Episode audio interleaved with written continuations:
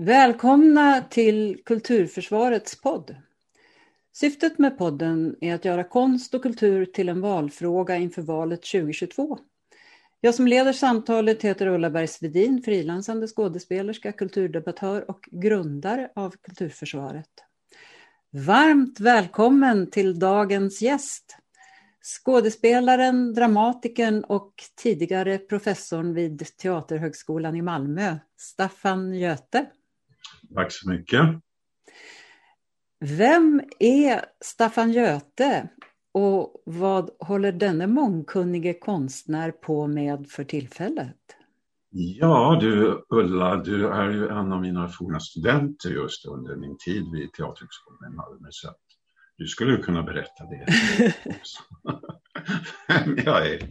Men det är väl bäst att jag gör det själv um, vad jag just nu gör är att jag delar det med så många andra att de rådande omständigheterna gör att jag går och väntar på om det gissningsvis eller förhoppningsvis kan bli av att eh, två pjäser som jag har skrivit kan komma att ha premiär. Eh, den ena eh, kommer nog gissningsvis eller förhoppningsvis att ha premiär i, på Uppsala stadsteater i september. Och den pjäsen som heter Rann heter egentligen något annat.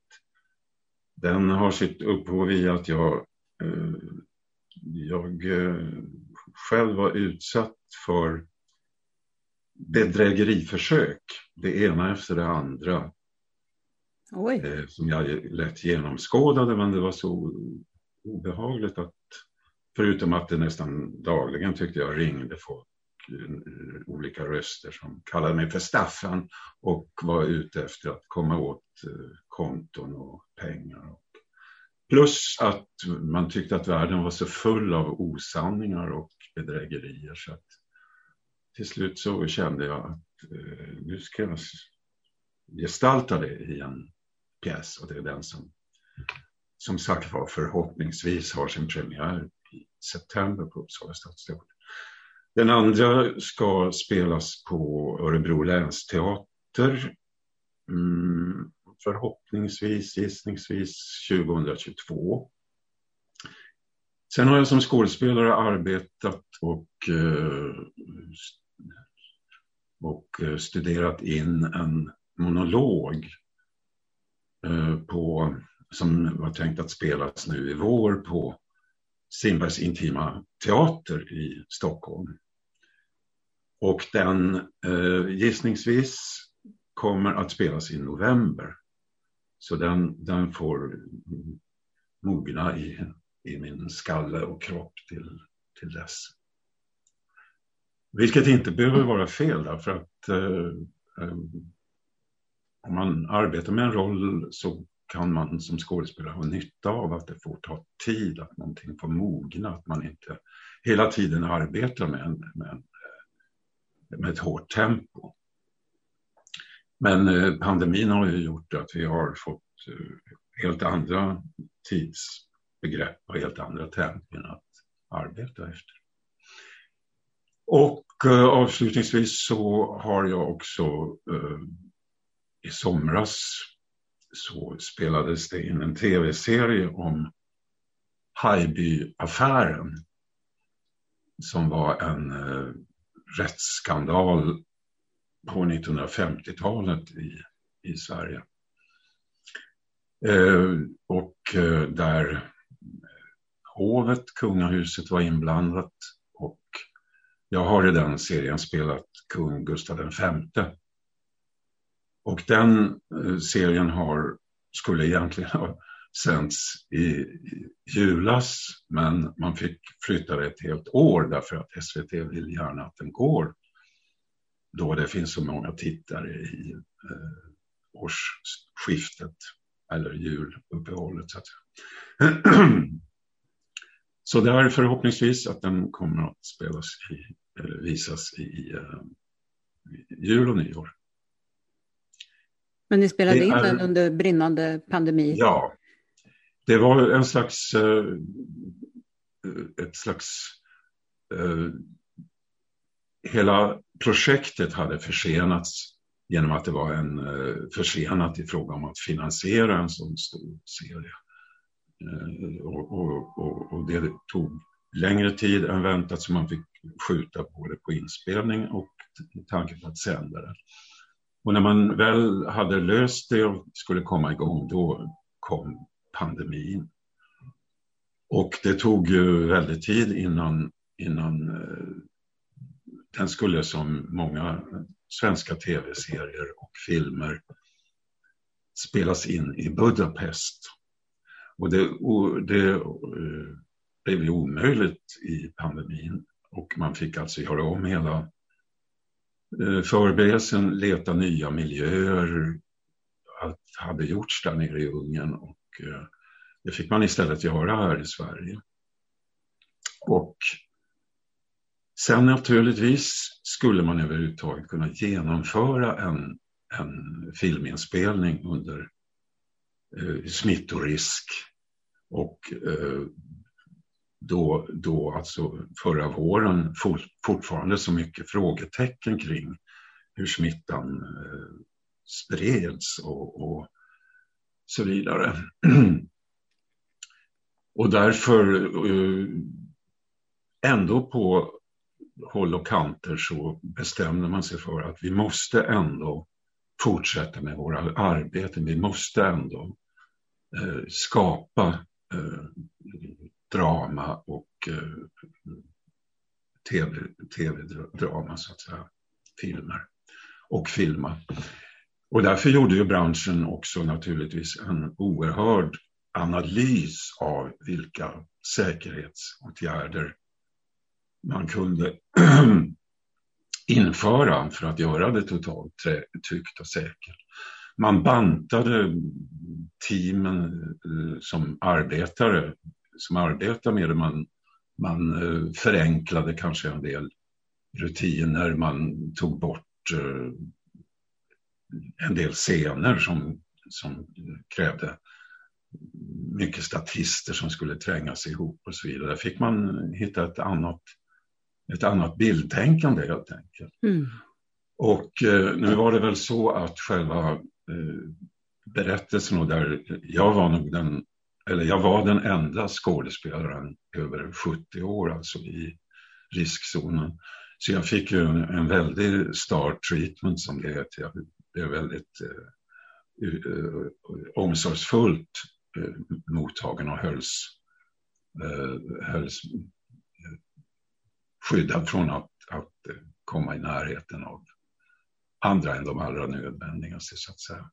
Och rigorösa omständigheter att varje morgon så kontrollerade man tempen mm.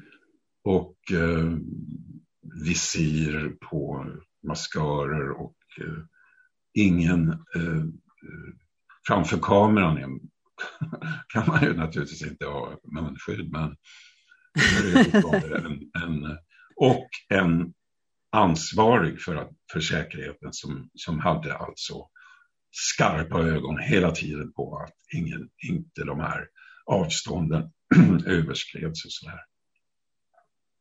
Ja, det är fantastiskt att det har gått att genomföra så ja, mycket produktioner ja, på alla håll och kanter. Det visar ju bara på att eh, det, det är kreativitet som råder. Ja, och att många i teater och filmbranschen är ju suveräna problemlösare. Ja. Därför att eh, själva eh, en arbetsprocess på teatern innehåller många, många, många eh, motgångar och saker som kan misslyckas där man plötsligt måste kasta om och tänka om. Och det är de, de som, eller vi som arbetar med det, är de tränade i att kunna tänka om och kunna eh, hitta andra lösningar och tänka på ett radikalt annorlunda sätt och ändå få det stämma och fungera. Ja, verkligen. Och också så många människor som, som samarbetar, eh, så många människor som allmänheten inte ser, som verkligen är problemlösare också som du säger. Ja, o ja, o ja. Inte minst. Du sa inte så mycket om vem, som, vem Staffan Göte är. Nej. Um, jag eh, växte upp eh, i Norrbotten, i Luleå, på eh, 50-talet. Och eh, tror jag i väldigt tidigt bestämde mig för att uh, this world is not enough. För att ta en James Bond-titel. Den här världen räcker inte till. Det fanns liksom en värld utanför Verona. Det fanns, eh, det fanns mm, eller jag sattes på, på sätt och vis eh, på prov genom att jag ofta var och ville vara ensam så sattes jag på prov, tror jag, att träna mig i fråga om att skapa och att fantisera och Eh, gå in i andra världar. Plus att jag då fick uppmuntran, tror jag, när jag uppträdde med någonting. Jag, jag såg att eh, jag gillade väldigt mycket att eh, uppträda och framföra eh, ska vi säga sketcher och sådär som jag hittade på. Och det där berättade mina, min familj om att jag gjorde det som, som väldigt liten. Och, um, så det har funnits hela tiden alltså en, en riktning mot det jag sen som vuxen har arbetat med, alltså med teater. Um, och jag tror också att min pappa var socialarbetare och arbetade som, som i, i det som då fortfarande kallades fångvården, alltså kriminalvården numera. Och han hade sin expedition alldeles vägg i vägg med vår lägenhet. Och eh, min mamma och pappa var prydliga klassresenärer och ville inrätta ett, eh, ett småborgerligt eh, prydligt hem. Men vägg i vägg inne på hans kontor så för sig gick ju ett helt annat ett helt annat liv och uh, som, uh, som ibland kunde vara ganska hotfullt och människor som ringde på mitt i natten berusade och hotade och och många andra som, liksom, som eh, vad jag menar är att det fanns en kontrast mellan en, en värld med regler, med ordning och reda och pynt och, och, så och en värld som var motsatsen, som var trasig och, och upprörd och, och, och, och så. Jag tror att det också präglade mig som en uppväxtmiljö för en dramatiker så tror jag att det var väldigt bra. Väldigt lärorikt, eller vad jag ska säga. Mm. Syftet med den här podden det är att föra in konst och kultur i debatten inför valet 2022. Mm. Varför anser du att det är viktigt? Ja, att vi kan, vi kan ju vänta oss att de närmaste åren inom politiken, svensk politik överhuvudtaget i, i världen, kommer att handla om att mycket restaurera samhället och dess institutioner efter att vi varit utsatta för denna katastrofala pandemi. Så att, eh, eh, och i det fallet har ju inte minst konst och kulturvärlden i Sverige eh, lidit eh, oerhört, även om, som vi nyss pratade om, man har varit suveräna på att hitta eh, ett nytt tänkande, eh, prova helt eh, drastiska lösningar, inte minst alla digitala experiment, men man har också öppnat arkiv av filmade föreställningar som publiken har kunnat se på skärm och man har experimenterat med föreställningar med bara en person i, i salongen och, och, och mm. sådär. Men hur som helst så har ju många av de verksamheter som, som är de naturliga för scenkonsten, nämligen att ha en levande publik i stort sett i samma rum, i samma lokal i alla fall. Det har ju alltså legat i träda, det har legat i en frysbox, det är djupfryst. Och de närmaste åren får man väl ändå räkna med att, att eh, som, som många optimistiskt tänker och talar om det nu är att eh, läget då kommer att innebära också att man kan med insikter från hur det har varit i det djupfrysta läget se vad man kan ta med sig av, av eh, nytänkande, av eh, djärva språng, att man inte självklart återgår till hur det en gång var, utan det står öppet med möjligheter. Och mycket handlar ju naturligtvis då också om att politiska beslut måste tas utifrån att politiker mycket mer än vad som sker lyssnar på de som har eh, erfarenheten, det vill säga de som är kulturarbetare och konstnärer. Ehm, så, så jag tycker att det är, är väldigt väsentligt att, att man bryter upp alltså eh, och släpper in, man bryter upp en slags, eh, vad ska jag säga, en, en vägg som finns mellan politiken och konsten och kulturen. Eh, politiken har öppnat alla portar, fönster och dörrar och gluggar mot näringslivet. De har imiterar deras språk, deras eh, terminologier, deras eh, eh, sätt att organisera tillvaron. Och det är alltså däremot mot konst och kultur så finns det inte en, en, en enda liten glugg kan det all, ibland verka som. Så att jag, tror, jag tror inte på... Jag tror inte, det är också en inställning kanske från kultur och konstvärlden att, eh, att eh, ställa krav på mer av dialog, runda bordsamtal än att det bara handlar om att kultur och konst ska be om pengar för att eh, omsätta i olika projekt eller överhuvudtaget överleva. Det är en sak av det, men jag tror att både politiker och eh, konstnärer, kulturarbetare skulle ha mycket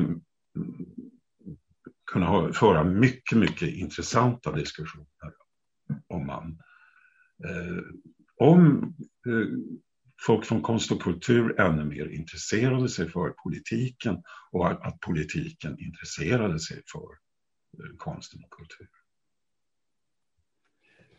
Det, och det, det tror jag är ofrånkomligt. Jag tror att det, det, det, det, kommer att visa sig att eh, det handlar inte bara om att debattera utan det, det handlar också om att komma vidare och att upptäcka eh, upptäcka vad konst och kultur kan innebära för ett eh, samhälle för, som, som behöver reformeras eller restaureras eh, och, och ses över på, på vad, verkligen vad som kan förbättras.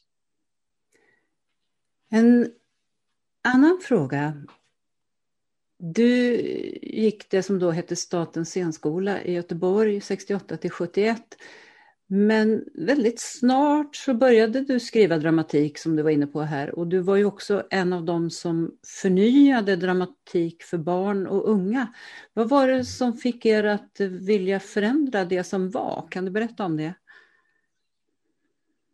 Ja, jag hörde ju till en, en generation som var kaxig på det sättet att vi såg ju som vår uppgift att, att ifrågasätta, att förändra, förbättra. Och eh, Göteborg, där jag av eh, lyckliga omständigheter kom att utbilda mig, var ju en, en, eh, en oerhört het plats för att söka nya uttrycksformer om vi bara ser till, inom teatern. Man har ju lite grann försökt uh, i efterhand um, se den här tiden och, och så som en, en uh, förkättrad tid utav tokvänster som, som härjade. Vilket ju är en, en kolossal osanning för det viktiga är att se hur pass mycket nya teaterformer som skapades. Och bland annat just inom teatern för barn och ungdom. Vi hade ju inte bara upprorsanda utan vi hade ju också en kulturpolitik som kom eh, under 70-talet. En, en, en, med en riktning att bredda eh, och demokratisera utbudet av konst och kultur. Mm. Man skulle söka upp nya publikgrupper, få mer människor att upptäcka teatern och man skulle inrikta sig mycket på barn och eh, skolpublik eh, för att också naturligtvis med tanke på att, att de skulle upptäcka att scenkonst eh, ger någonting, är, är, är attraktivt. Och där upprorslusten var ju, var ju själv, självantänd. Vi, eh, den barnteater som gjordes, och det fanns ju liksom i tiden att man gjorde upp med den skräpkultur som barn eh, fick hålla till godo med. Och en barnteater som arbetade med otroligt mycket eh, klichéer och sedelärande historier och, och menlösa sagor och allt vad det, vad det var. Eh, I en spelstil som var mycket karikerad och skrikig, skränig och, och vi som, som kom att arbeta med att skriva ny dramatik inför en ny form som ju oftast handlade om en uppsökande form, att man åkte ut till skolorna, till deras gymnastiksalar och under ganska enkla men med genomförd estetik eh, gav teaterföreställningar för, för ungarna som, som var, eh, utgick från att eh, den barnpubliken skulle känna sig sedd. Att det, det ofta var eh, teman och berättelser som var förankrade i deras värld och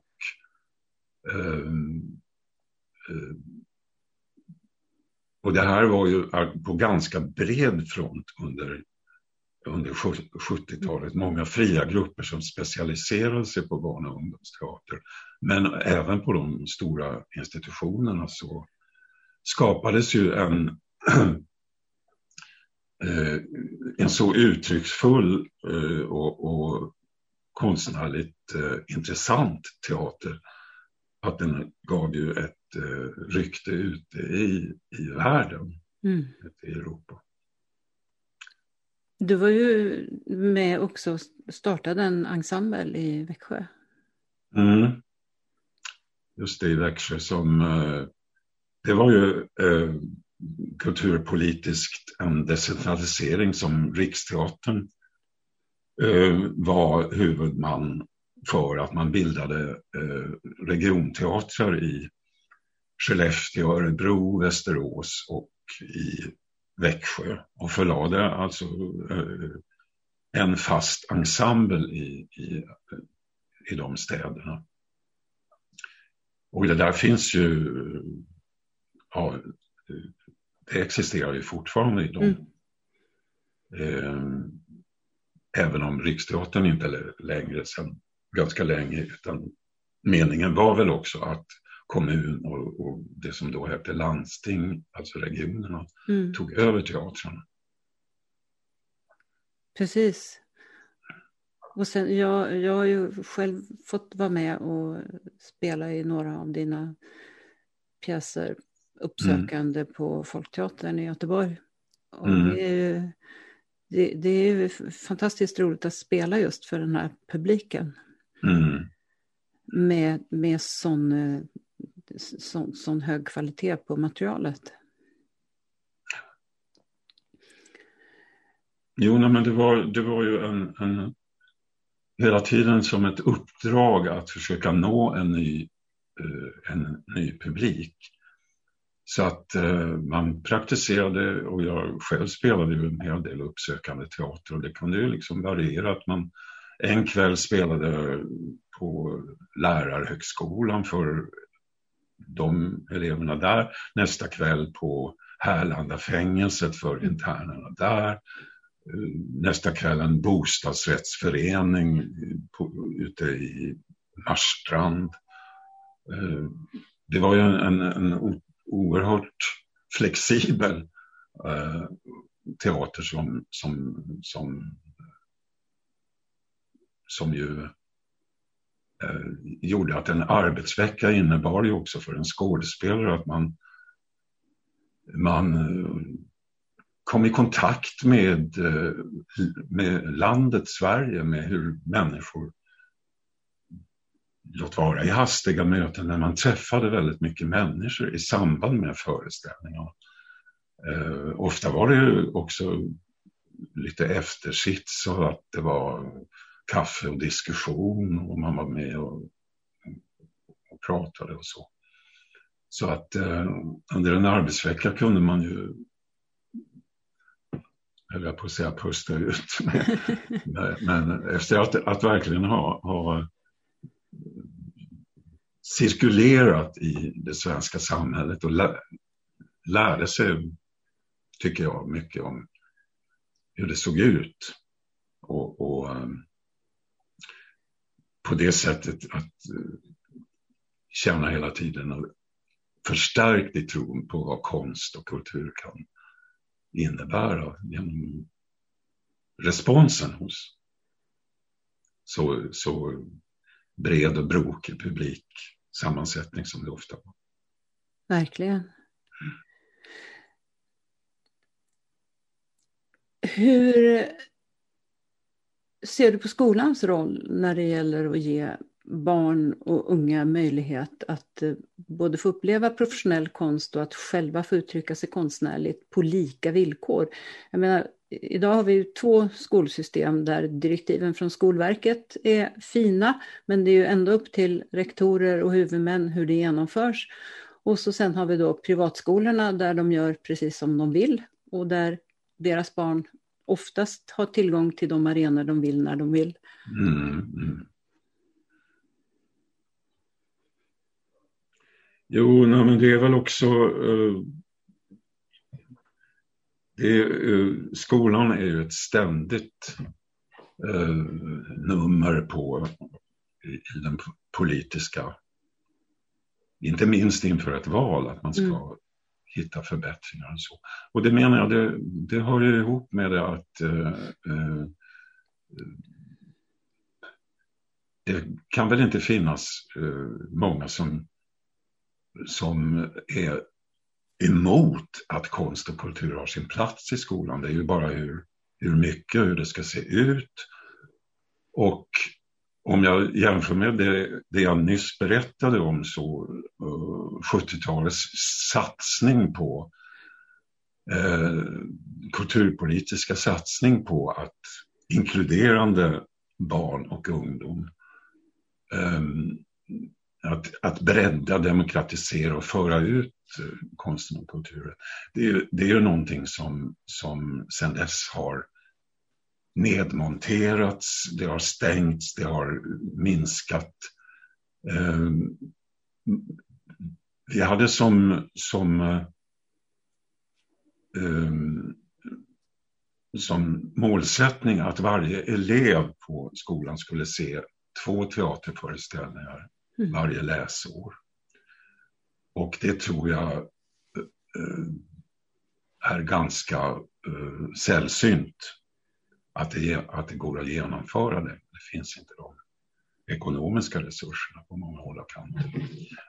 Jag ska inte gå för djupt in i det, för så, så mycket kontakt har jag inte riktigt med skol och barnteatern just, just nu på senaste åren. Men så, så var det. Ehm, och eh, mycket av den, den kulturpolitiken är liksom i ruiner. Och, eh, eller hur? De två tre, fyra år som ligger framför oss så måste det här liksom i, gru i grunden eh, genomlysas och eh, skapas alltså en, en kulturpolitik som kanske återknyter till, till eh, tankar som fanns på 70-talet. Men också att man tar, tar och analyserar erfarenheterna av alla oss som arbetade eh, med inom alla tänkbara konst och kulturnivåer och eh, former. Ja, det är väl en sån fråga som är viktig att, att kunna ha i sådana här samtal som du var inne på förut. Ja. Vad just fungerar då inte? Just både i skolan och i, i största allmänhet, just det här att, eh, att Varför är det viktigt med konst och kultur? Så kan jag inte låta bli att berätta om en mardrömsaktig situation. För en del år sedan, så en skådespelare, kollega till mig och jag skulle ut på ett så kallat publikarbete som, som eh, de flesta av oss som arbetat utanför Stockholm i alla fall har, vet vad det är, regionteatrarna, de fria grupperna. Att man åker ut i förväg och berättar lite grann om den föreställning som de så småningom förhoppningsvis, eller som de redan har bestämt sig för att se. Mm. Man gör ett publikarbete genom att, att eh, förbereda och inte minst på skolorna att, att, eh, ja, att vara ute för att eh, få dem att eh, känna att det här är gjort speciellt för er och att det finns ansikten och människor som dyker upp och pratar entusiastiskt om det. Mycket, mycket viktig del av teaterarbetet som man, som man kanske inte är så, så har som kännedom om. Mm. Nåja, nu skulle eh, vi ut på ett sånt här publikarbete och vi höll på att repetera en pjäs som eh, vi skulle komma ut och berätta lite grann om. Det var en Shakespeare-pjäs och eh, vi skulle eventuellt läsa någonting ur, ur det hela. Och vi båda såg framför oss ett, ett samtal, i, kanske i ett klassrum, det här var inte en skola men, men uh, ungefär det, den storleken, att det var en men när vi kom dit så visade det sig vara ett stort konferenscentrum. Det var en jättescen och det var eh, högtalare som presenterade, en, en eh, arrangör som presenterade här kommer, eh, får jag presentera, Staffan Göte. Och så var det stor musik och det var strålkastare och det var cirka 500-600 personer i den här och så säger arrangören så här, när, när jag hade vacklat fram till mikrofonen så sa han så här. Ja, Staffan Göte, ska du ta och berätta varför det är viktigt att gå på teater? Åh, gode gud så hemskt. Och nu har jag ingen aning om vad jag svarade. Eh, för det har, jag har förträngt det. Det var, det var alltså men jag sk skulle jag ha svarat idag så skulle jag ha sagt så här att varför det är viktigt med konst och kultur är egentligen en ganska bizarr fråga. Därför konst och kultur det är människan har alltid varit uppdelad i en, en varelse som måste arbeta för att mätta sig själv, sina barn, eh, skaffa värme, tak över huvudet. Alltså, alltså de, de, det som gör att vi kan överleva. Men sen finns också den lekande människan och har alltid funnits. Som när arbetsdagen är slut eh, tar fram sin flöjt och spelar sin kortlek, eh, tävlar om och kastar hittan och dittan. Och, eh, eller går en kurs och lär sig spela gitarr, dansar, eh, klär ut sig och, och, och, spelar upp. Och söker sig till upplevelser som har med det fabulö, fabulerade, det, det diktade, det fiktiva, alltså det här att uh, this world is not enough. Eller som Nils Ferlin skri, som det hos honom heter i en dikt, att människan sitter vid diktens port. Alltså det finns, det finns inbyggt i att vara människa, i att också vara den lekande människan. Så att att fråga var, varför är det viktigt med teater eller med konst och kultur. Det är som att fråga varför är det viktigt att vara människa? Så att, så att den, den, frågan skulle man aldrig ställa och man skulle faktiskt aldrig ställa varför är det viktigt med idrott? Utan det är just det här som för en del människor kan kännas som helt ointressant och överflödigt. Eh, eh, att, man, att man därför kan ifrågasätta att det överhuvudtaget är någon betydelse och viktigt. Och därför eh,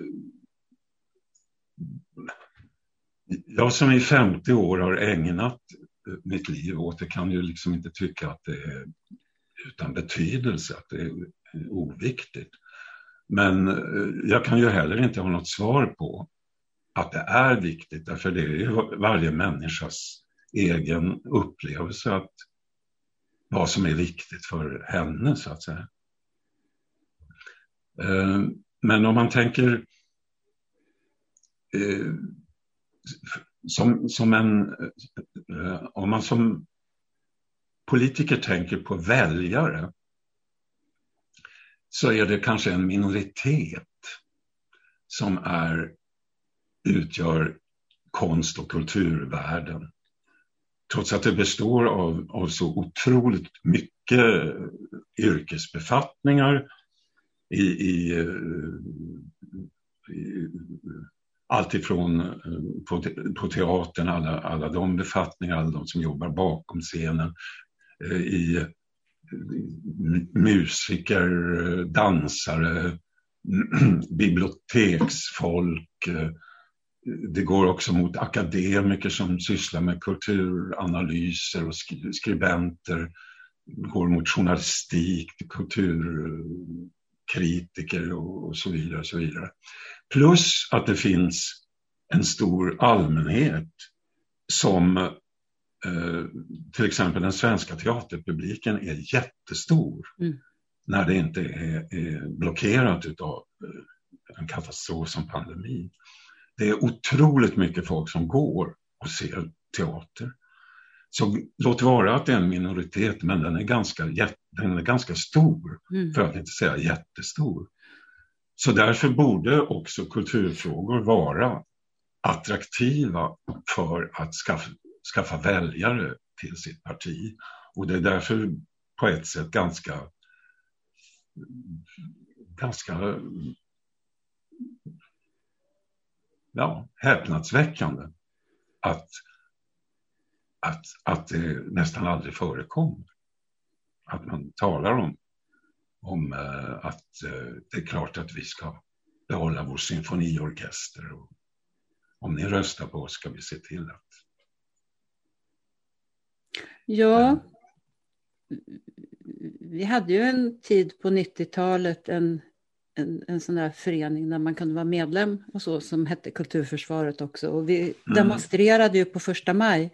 Mm. Och med tanke på att vi hade en paroll som hette Kulturen, folkets själ.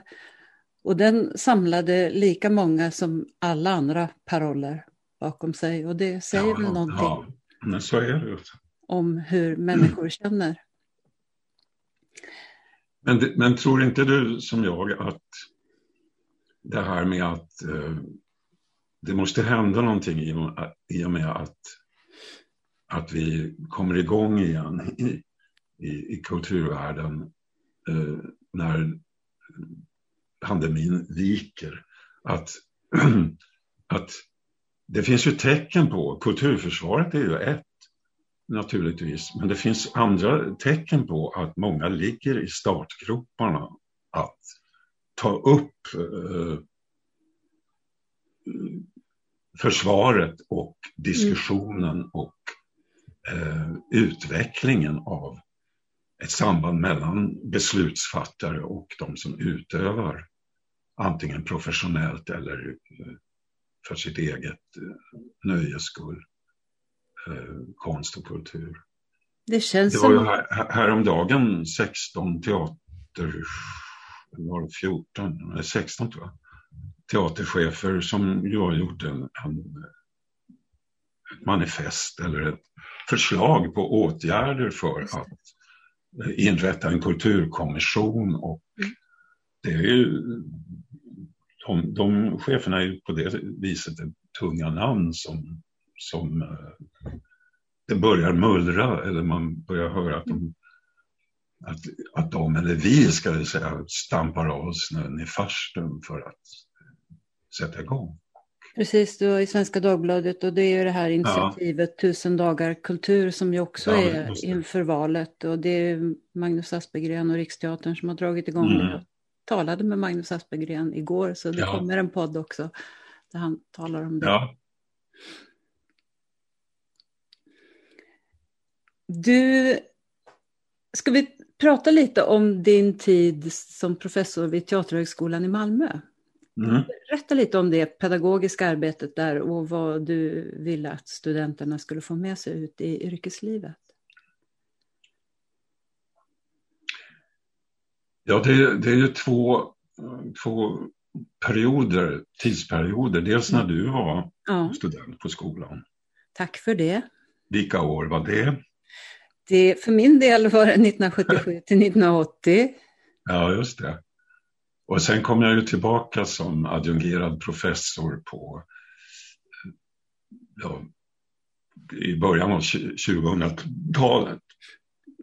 Däremellan hade inte jag så mycket med undervisning och pedagogiken att göra.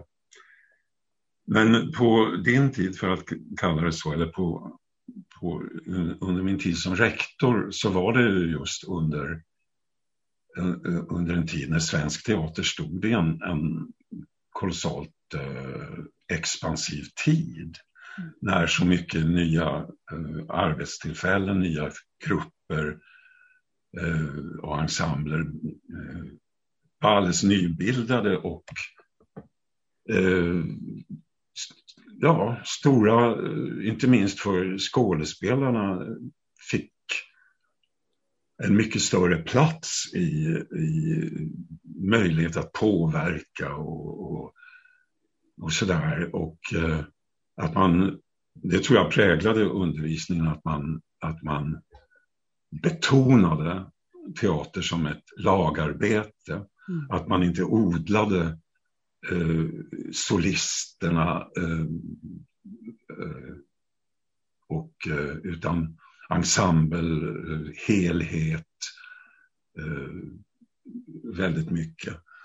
Och jag tror att jag eh, också eldade på, på, på personligen på det sättet att, att jag nästan tyckte att ni skulle ut och arbeta som gerilla soldater att föra in och ifrågasätta och slå er ihop och, och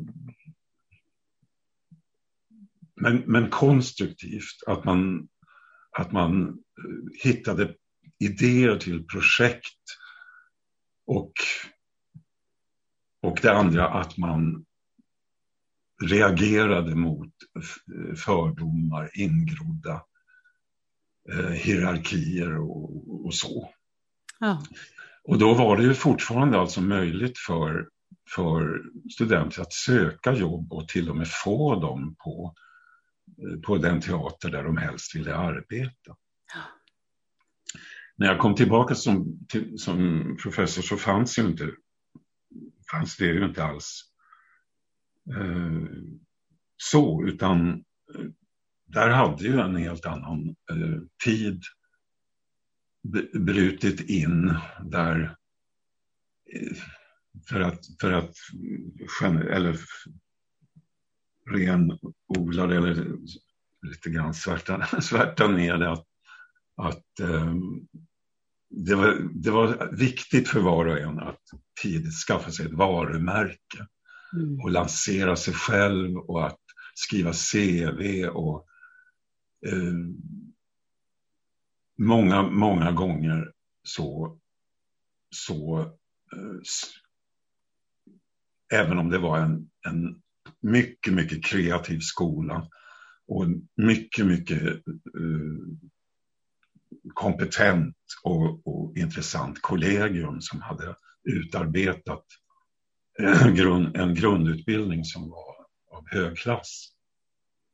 Så fanns som ett grinande spöke bakom, tyckte idag alltid att möjligheterna att lämna skolan och komma till en ensemble, göra kanske lite mindre uppgifter men fortsätta att genom intryck och, och erfarenheter att fortsätta att utbilda sig och växa mm. som skådespelare. Istället hamnade man ute på en marknad och många, många kanske fick ett väldigt tillfälligt eh, anställning och sen arbetslöshet. Eh, en slags prekariat eh, terräng helt enkelt. Vilket,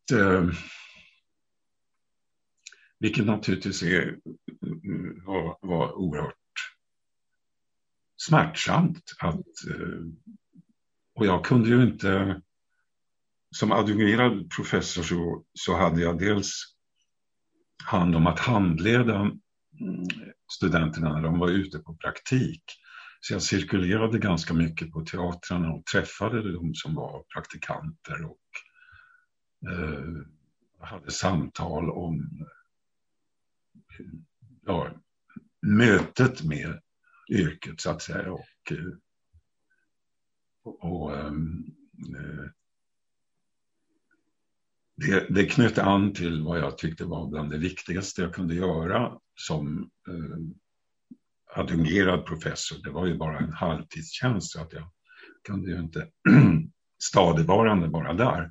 Men då hade jag eh, något som eh, vi kallade ateljésamtal som syftade på det som bildkonstnärer och deras lärare har. Att man stannar till eh, och har ett samtal med var och en. Och det tyckte jag nog var det, bland det mest konstruktiva som pedagog, att ha möjligheten att samtala med var och en. Mm. Eftersom eh, trots, eh, trots allt så finns det en sån eh, så individuella eh, eh, individuella Eh, kvaliteter som, som det gäller att eh, till, till exempel genom samtal kunna förstärka och, och eh, det fann jag som, som en, en oerhört viktig och, och, och intressant uppgift att göra. Är det personberoende eller är det något som finns kvar så att säga, även efter att du har slutat? Det tror jag säkert det gör. Det finns faktiskt, alltså um, den adjungerade professur som jag hade var alltså bekostad av sponsrad utav eh, ett förlag i mm. Malmö.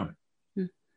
Ett eh, gammalt så här kulturförälskat förlag som hade pengar över. Mm.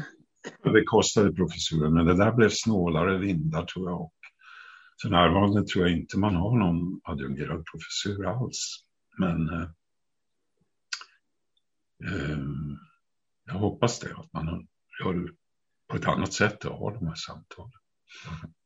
Jag tycker det är intressant just det här du säger just på, på den tiden när jag gick. Att, du, att ni betonade just eh, att vi var ett, en del av eh, det konstnärliga mm. teamet och så. För att mm. idag finns det ju det som kallas konstnärligt team, men där ingår ju inte skådespelare. Och det kan jag tycka är väldigt märkligt. Visst. Något annat som var viktigt redan på din tid, I men också när jag återkom, det var att jag var, gjorde allt för att skolorna kan bli väldigt slutna. Oh. Och därför ville jag att man skulle ha publik rännandes i trapporna ständigt och jämt så att studenterna påmindes hela tiden om att vi arbetar för en publik, inte för oss själva, för att liksom tillfredsställa oss själva och eh, grotta ner oss i, i oss själva. Och så. Det var ju fantastiskt, vi hade ju publik direkt, vi gjorde drömimprovisation. Ja, precis. Ja, ja, men det var... Det varje var... år, flera gånger. Ja. Och vi det har... en turné eh, med, eh, eh, åkte runt i Stockholm, gjorde arbetarteater och så vidare. Men det var ju helt fantastiskt hur mycket ja. vi möta publik och dessutom ja. samarbeta med Skånska Teatern. Det, det, har vi ju, har ju jag förstått i efterhand hur otroligt eh, lärorikt det var att ha det mm. upplagt på det sättet. Verkligen.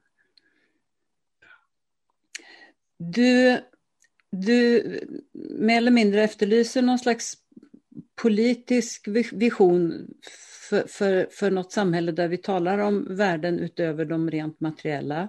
Mm. Ser du att konsten och kulturen eh, har spelat någon roll tidigare? Och vilken roll skulle den kunna spela i en framtida vision?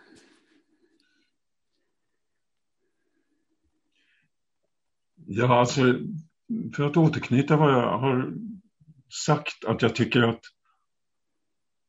svaren på, på, på det ligger ju i att man gör allt för att få en, en levande och, och intensiv dialog mellan beslutsfattare i samhället och de som utövar konst och kultur.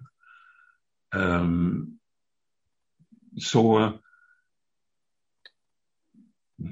det är klart att som det kunde skrivas um, under uh, 70-talet så såg man ibland när de hade uh, graffiterat på betongen och skrivit fantasin till makten, mm. utropstecken. Och uh, vad jag menar är att en, en, större, en lyhördhet för för eh, i, i, dialogen mellan beslutsfattare och konstutövare skulle eh, kunna ge svaret på hur betydelsen, hur inflytandet skulle komma eh, även eh, att både påverka och förstärka de beslut som fattas det krävs en, en, eh, en, på det sättet kanske man ändå ska kalla det för en ömsesidig fördjupad förståelse. Och inte bara ett, ett allmänt krig mellan uh, fattiga uh, fria grupper, för att ta ett ex exempel, och de som ska, ska ge anslag, utan en, uh, en ett intresse och ett engagemang från beslutsfattarnas, politikernas sida för eh, kulturvärlden. Men också naturligtvis ett eh, intresse och ett engagemang för politiken i stort mm. hos oss som arbetar inom kulturen mm. och konsten. Och att det inte bygga upp hela tiden någon, någon, något motsatsförhållande. Man, ska, man kan ju säga att eh, konsten, inte minst teaterkonsten, är ju ofta eh, kritisk mm. mot makten mm. och ska så vara. Att eh, förståelsen som säkert finns hos en del politiker, men som för andra politiker är väldigt obekvämt. Mm. Att känna sig attackerad, känna sig kritiserad. Vilket gör att man inte heller intresserar sig för det eller man till och med försöker mota eh, yttringar och uttryck som, som, ja, som man finner o, o, obekväma. Men eh, en, en, en förståelse och en, ett lyssnande på, på eh, en förståelse för och att, att, att lyssna på dem som, eh, som, som är konstnärer och kultur eh, arbetare är, skulle vara så, så utvecklande för, eh, för båda sidor. Mm.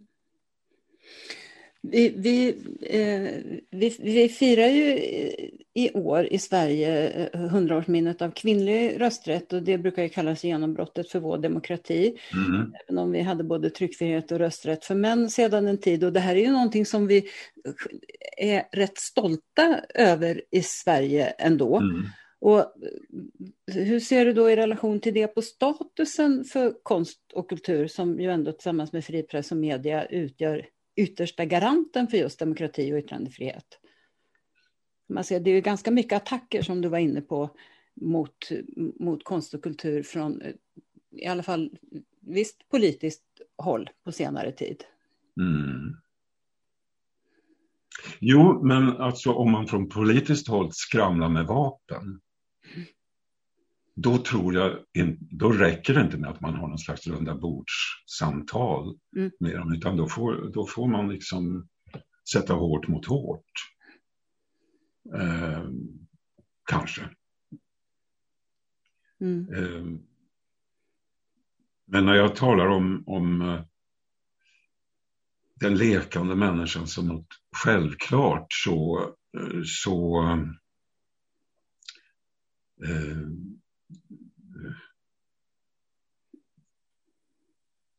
är det att de som, när jag menar att det är som att det är som att ifrågasätta eller diskutera om det är viktigt att vara människa. Mm.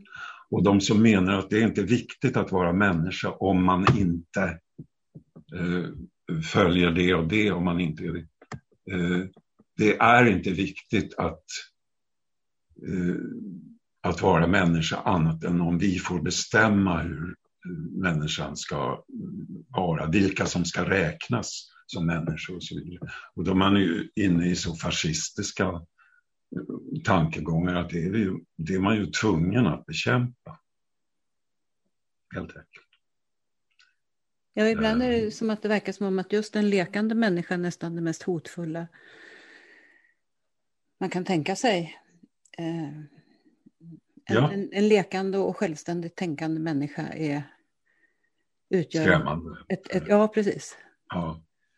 Och som, som, som konstnär kan man ju i och för sig ibland bli glad just över precis det du säger, för det är vår uppgift att vara kritiska och granska makten. Och kan man skrämmas mm. lite, för ibland kan det ju kännas som att spelar det egentligen någon roll vad vi gör, men tydligen så behövs det inte så mycket för att skrämma. Nej. Ibland. Eh, egentligen, jag tror nästan, du har på sätt och vis redan svarat på de här frågorna, men eftersom jag nu har en sån här avslutande fråga så ställer jag den i alla fall. Ja. Eh, på vilket sätt och av vilka anser du att konst och kulturpolitiken bör debatteras inför valet 22? 2022 heter det. Ja. Eh, så att det som ju står i alla de här allt mer svulstiga kulturplanerna blir tydligt. För där står det ju ändå att konst och kultur är viktigt för såväl samhälle som medborgare. Mm. Jo, nej, men att eh, det som börjar Eh, det vi pratade om att det börjar ändå mullra lite grann. Man stampar snön av sig i farsten från konst och kultur.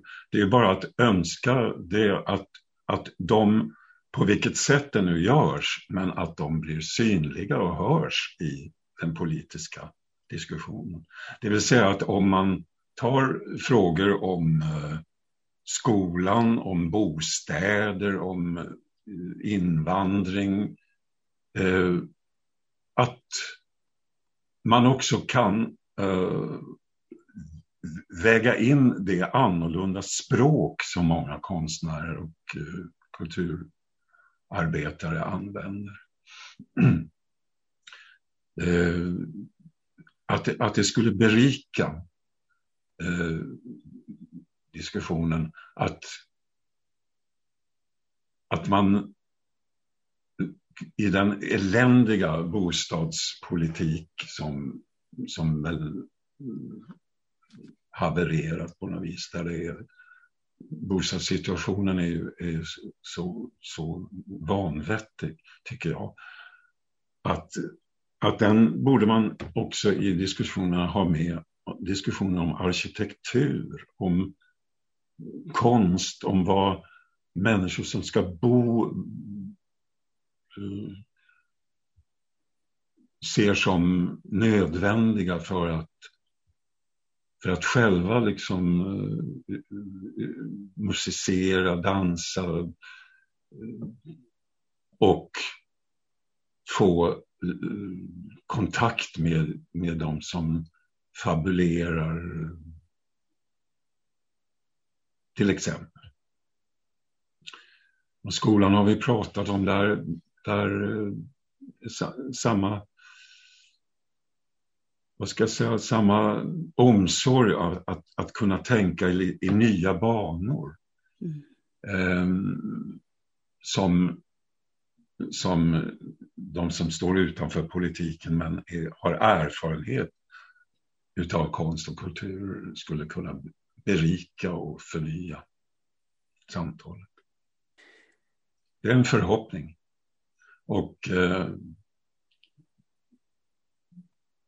och en nödvändighet. Det blir väldigt bra slutord. En förhoppning och en nödvändighet. Mm. Stort tack Staffan för att du ville medverka. Och tack för att ni lyssnade. Den som vill veta mer om kulturförsvaret och om kommande poddar kan gå in på kulturforsvaret.se.